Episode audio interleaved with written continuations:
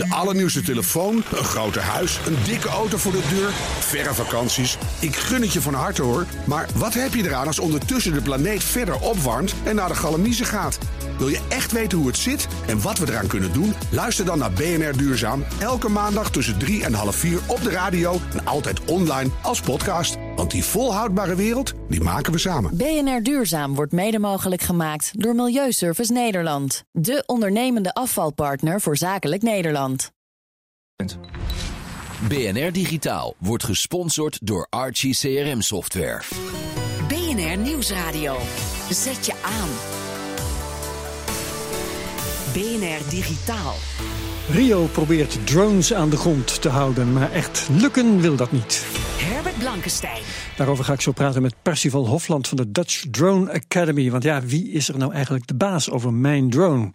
En vandaag een nieuwe backup. Wout Funnekotter, hoofdredacteur van Tweakers. Hartelijk welkom. Goedemiddag. Wat is jouw uh, leukste favoriete onderdeel van de ICT eigenlijk? Poeh, dat is nog eens een vraag. Um, nou, alles wat de consument een beetje raakt, denk ik. Als je kan vasthouden, kan kopen en alle technologie daaromheen, dan. Uh, Drones ook. Dan, dat is ook echt heel leuk. Goed zo. Nou, daar uh, gaan we het straks mooi uh, over hebben. Uh, maar we beginnen met het technieuws. Daarvoor is hier als vanouds Ivan Verrips. Sorry, Ivan. Hallo. Nederlanders zijn 70% van de tijd met hun smartphone verbonden met wifi. Ja, en daarmee zijn we in minuten, precies. Daar zijn we in minuten de grootste wifi-gebruikers ter wereld. Uh, China komt naast ons met 63% van de tijd waarmee ze dus op wifi China, zitten. ik verslik me bijna. Ja, nou precies. Die mensen zijn dus ook heel actief op wifi. Dat blijkt allemaal uit een onderzoek van OpenSignal. En die club heeft ook gekeken naar de snelheden van 3G en 4G-netwerken. Dus hè, alles wat dan eigenlijk niet wifi is. Ja. Zo'n beetje alles. En daar staan we in Nederland op de zevende plaats. Wij doen gemiddeld zo'n 23 megabit per seconde aan downloadsnelheid. En Zuid-Korea staat daar op de eerste plaats. Zij doen ongeveer het dubbele. Ja, Wow. interessante landen. Ja, Samsung en allemaal, LG, die doen heel veel experimenten. Ja, ja, ja. ja. Nou, dat zal hem misschien de boel wel aanjagen, inderdaad. Eh, interessant is trouwens wel dat OpenSignal niet, niet zo goed weet waarom wij nou zo actief zijn op wifi. Eh, wat ze wel erbij zeggen is dat een gigabyte over wifi natuurlijk goedkoper is dan een gigabyte over 4G. Dus dat zou misschien wel... Zijn prijsbewust. Precies, misschien daarin ook wel, ja. Ja, Ford gaat autonome auto's maken, zelfs zonder een stuur erin. Dat heeft de CEO van Ford aangekondigd. En die meneer heet geen Ford, maar die heet Mark Fields. Luister maar even mee. We're going to start mass producing a uh, fully autonomous vehicle, what we call a level four vehicle, which means it won't have a steering wheel, won't have a gas pedal or a brake brake pedal. And uh, we see the first applications, kind of commercial applications, whether a ride hailing or ride sharing service, and uh, in, in major cities. Ja, geen stuur, maar ook geen rem. Dat vind ik eigenlijk nog veel enger misschien nog wel. Nou ja. En geen gaspedaal. Precies. Dus Ja. ze gaan zich naast echt het maken van auto's ook richten op mobiliteit. Ehm, dat gaan ze doen door eh, ook heel veel meer mensen aan te nemen in hun Silicon Valley afdeling. Daar wordt dus flink aan doorgewerkt. En ze hopen in 2021, dus dat is eigenlijk best snel, dat is over vijf jaar, eh, hopen ze een paar honderd van die auto's te hebben rondrijden in de grote steden. Eh, niet zozeer voor de consumenten zelf, dus, dus niet het idee dat wij allemaal zo'n auto gaan kopen. Maar ja, hè, want die dingen zijn vrij duur. Dus dan maar carsharing. En misschien zit je dan over een paar jaar wel in New York in een eh, gecarshared Ford op weg naar je afspraak. Ja, openbaar Ja. vervoer van Ford. Nou, spannend. Eh, we gaan ze eraan houden trouwens. hè. In 2021 dan gaan we dit eventjes weer opgraven. McDonald's sponsort de Olympische Spelen en daarom krijgen kinderen bij hun Happy Meal nu fitness trackers. altijd veel te doen geweest over Heineken en McDonald's en Coca-Cola. Want ja, moeten zij die nou wel die spelen sponsoren? Nou, over die discussie gaan we hier ons niet buigen. Eh, maar eh, McDonald's doet wel een duit in het gezondheidszakje. Want kinderen krijgen in de VS dus nu een fitness tracker bij hun Happy Meal. Er zijn twee soorten. Er is een soort horloge dat bij beweging eh, licht geeft. Dus als je een beetje beweegt, geeft hij een beetje licht. En als je heel veel beweegt, dan geeft hij heel veel licht. En er is gewoon een, simpele stappenteller. En er is natuurlijk een hele mega gelikte Amerikaanse reclame bij. You can have fun every step of the way with your Happy Meal. With the Step It Activity Band, you can count it or blink it with every move you make. And the Happy Meal fun goes on and on.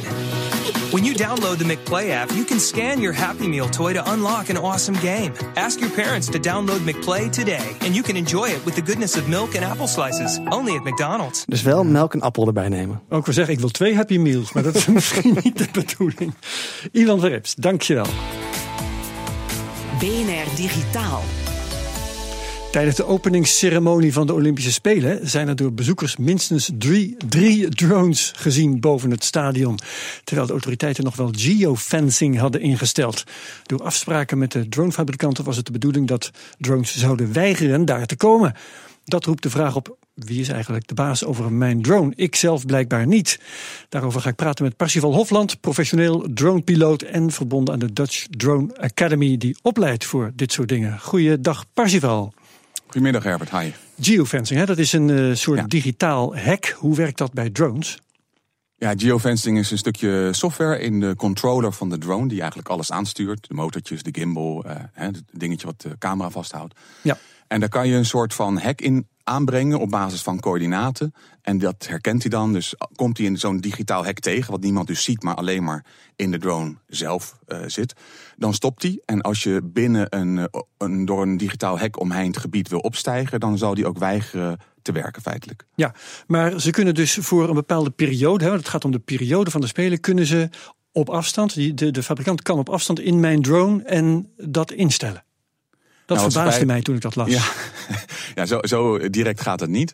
Uh, men stelt uh, coördinaten in waar niet gevlogen mag worden. Dat is in Nederland ook gewoon gebruikelijk. Rondom vliegvelden bijvoorbeeld zit dat ook in de software van de, de grootste fabrikanten. Mm -hmm.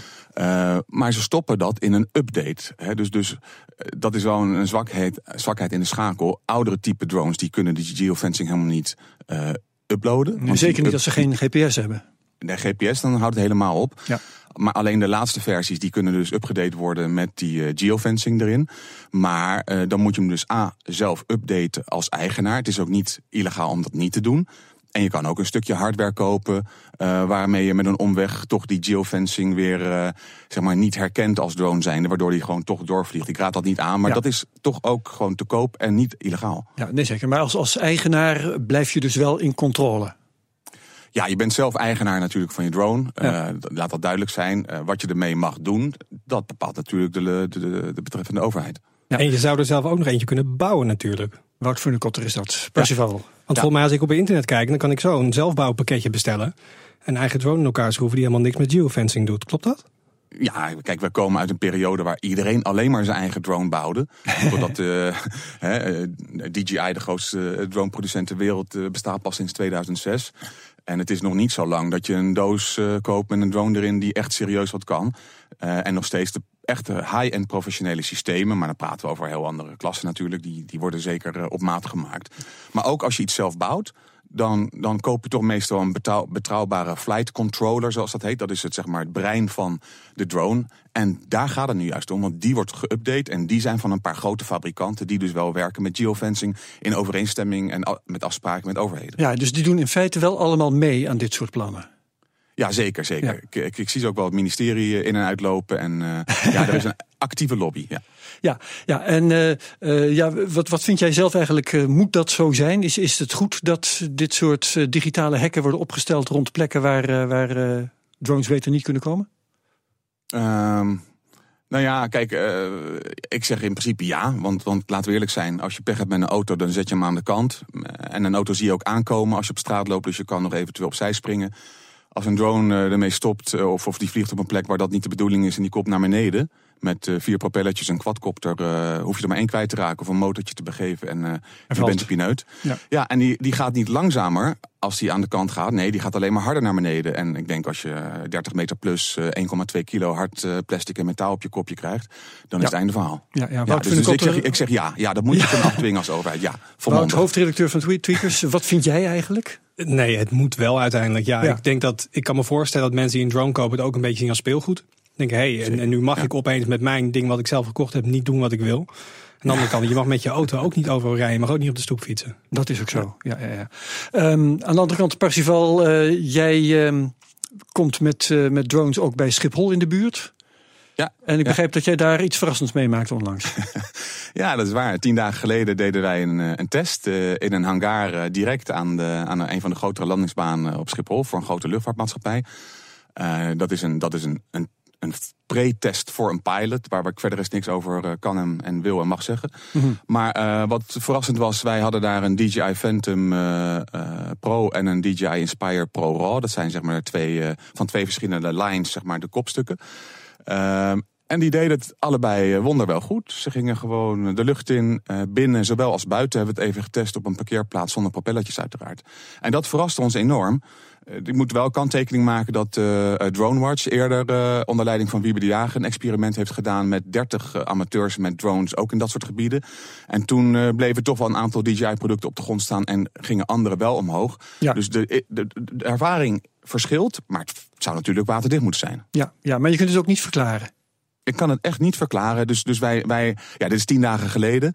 Uh, dan gaat dan een proces in. En, en, en op enig moment uh, gaat dat natuurlijk wel voorgelegd worden en nader bekeken worden. Maar op dit moment uh, weten wij niet waarom. De systemen zijn volledig. dus vooral die Inspire Pro Raw, die is pas sinds twee, drie maanden op de markt. Is volledig geüpdate.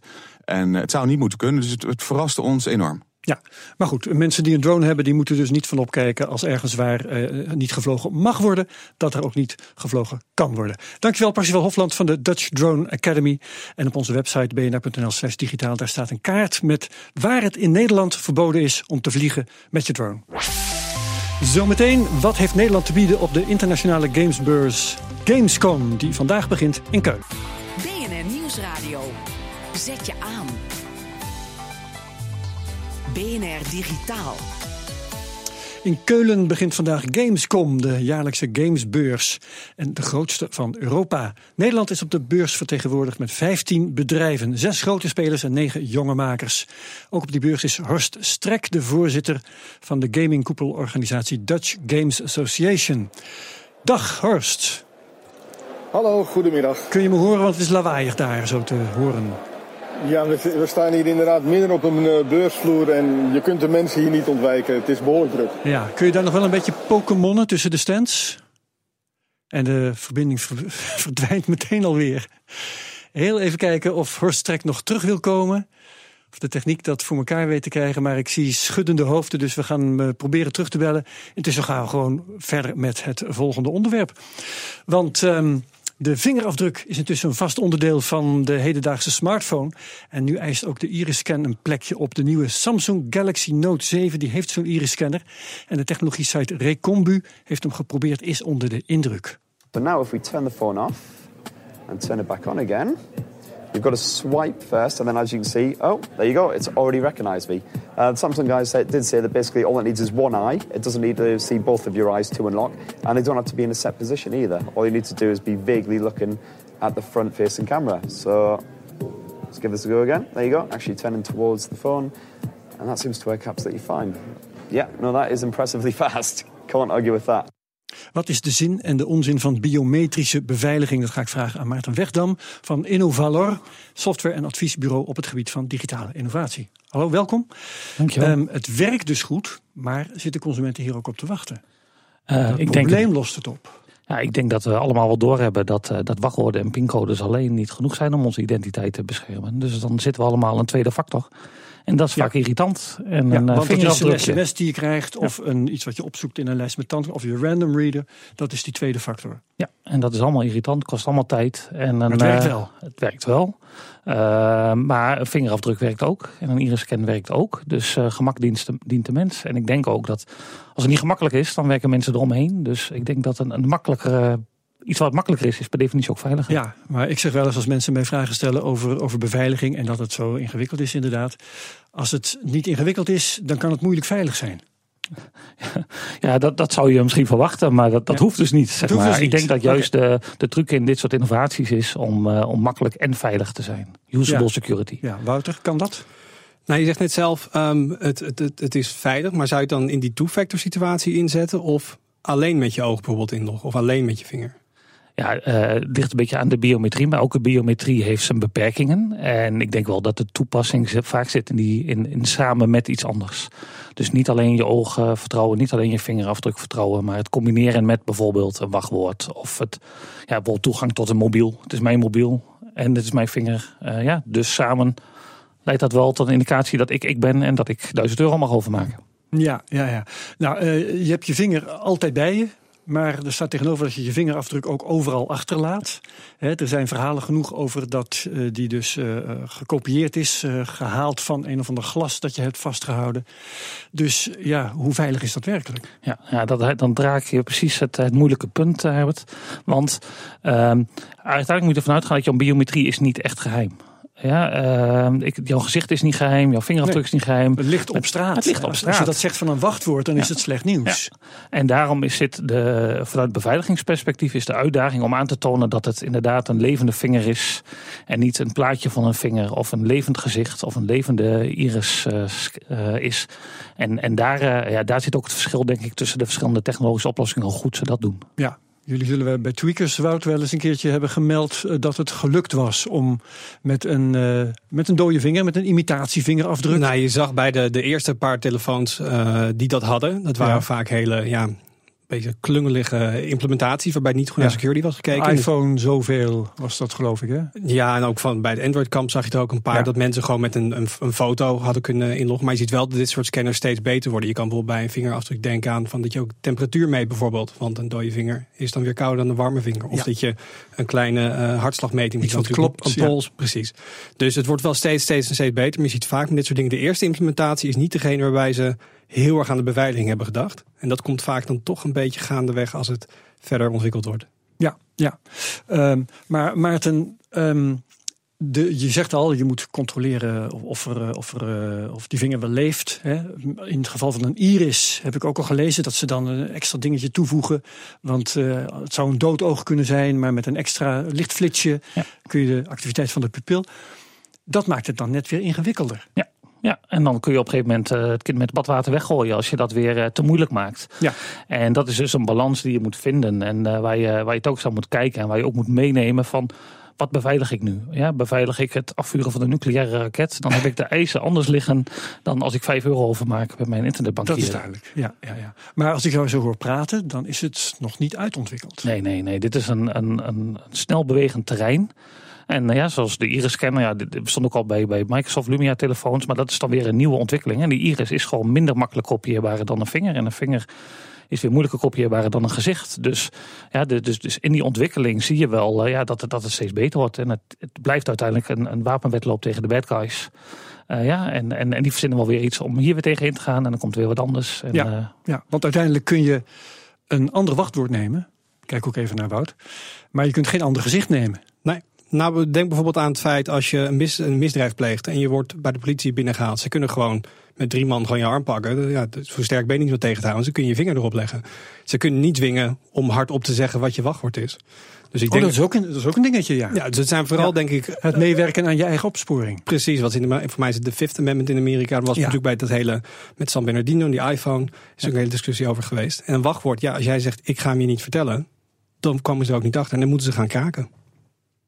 Dus uiteindelijk is dat nog steeds wel het meest veilig, maar niet het meest gemakkelijk. Wat, wat zou jij mensen aanraden? Uh, want, want je, als je zo'n telefoon hebt, staat er een iris-scanner op, die Samsung Galaxy Note 7. Uh, maar je hoeft hem niet te gebruiken. Ik, wat Maart zegt, ik zou heel goed nadenken over wat je aan het beveiligen bent. Dus als jij, jij ja. weet, ik heb heel erg veel belangrijke informatie op mijn telefoon en heel veel persoonlijke informatie en foto's. Denk er goed over na. Dan wil misschien een wachtwoord als je zegt, ja, weet je, als iemand die achter komt, maakt niet zoveel uit. Dan is een vingerafdrukscan of een iris-scan wel een stukje makkelijker in dagelijks gebruik. Ja, Maarten, jullie adviseren overheden en bedrijven Onder andere als het gaat om het toepassen van biometrische beveiliging, dat doen jullie dus. Um, willen bedrijven dit in de, inderdaad graag? Willen overheden dit graag? Ik denk dat je hier een beetje de consumerization uh, hebt, die we ook ooit gehad hebben Noem met, met mobieltjes. De... Consumerization. Okay, ja. ja, dus dingen die mensen als consument gebruiken, ja. Uh, ja, die, die, uh, dan nemen ze mee naar het werk en dat is op het werk ook. Ja, dus het feit dat het uh, zit in je iPhone en in je, in je Samsung. Daardoor en dat gaan je mensen dat willen en daardoor gaan bedrijven dat willen. Gaan bedrijven dat willen, werknemers willen het, klanten willen het. Ik denk dat het altijd belangrijk is dat je dat verantwoord en stapsgewijs doet, zeg maar. Ja, dus de, dus de oorspronkelijke uh, vier, of, uh, vingerafdrukscanners, ja, dat was geen goed idee om die al meteen uh, grootschalig in te zetten. Dus stapsgewijs ja. is het, vind ik het wel verantwoord. Ja, de, jij zegt de oorspronkelijke vingerafdrukscanners was niet verantwoord. Is het tegenwoordig wel verantwoord? Nou, als je kijkt bijvoorbeeld naar, uh, naar de, de Samsung uh, of naar de Android implementaties, dan zag je in de eerste implementaties dat bijvoorbeeld de vingerafdruk uh, stond gewoon als een plaatje op de telefoon en kon je zo afhalen. Ja, dat is geen goed idee. Als ik kijk naar, naar hoe het nou in de, Samsung S7 is, ja, daar, daar zit het allemaal beveiligd en kom je er niet meer zomaar bij. Dus ik denk wel dat, dat de, de industrie leert.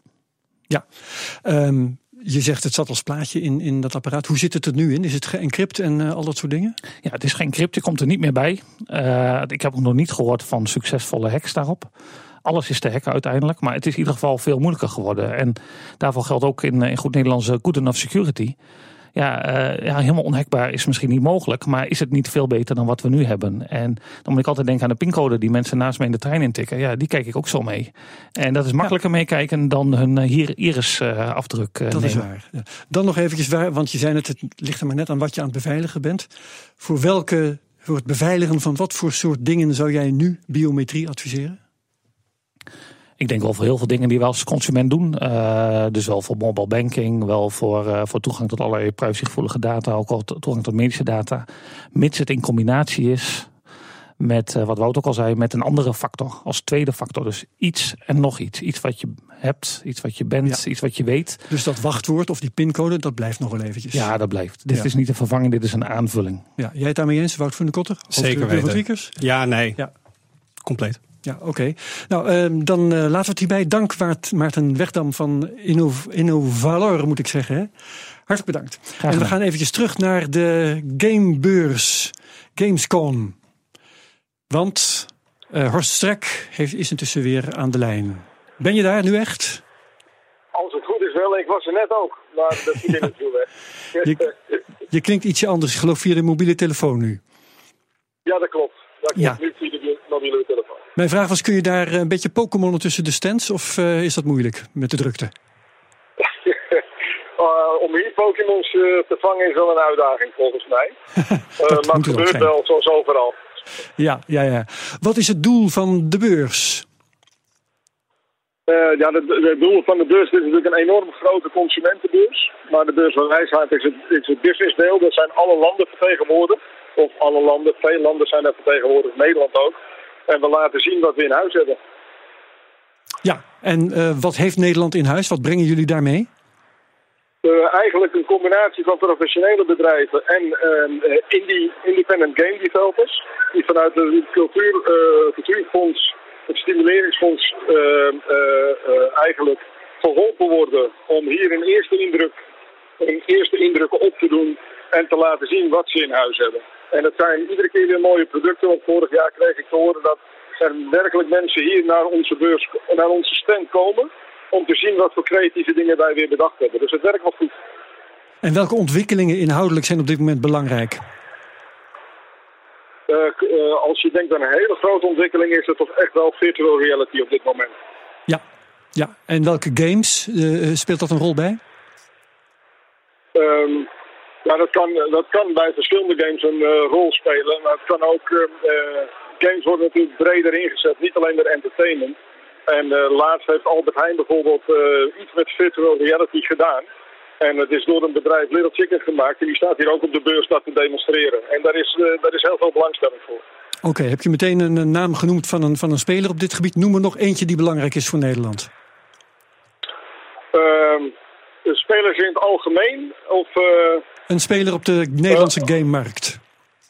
Op, op de Nederlandse gamemarkt. Ja, we hebben een aantal. We hebben, uh, nee, ik wil er eentje, want ik heb nog maar weinig tijd. oh, we, hebben, we hebben eentje, Gamius noem ik dan, die hier ook op de beurs is. Ja, en wat doen die? Uh, die maken spelletjes ehm, natuurlijk in die, voor, ja, eigenlijk voor een vrij grote casualmarkt.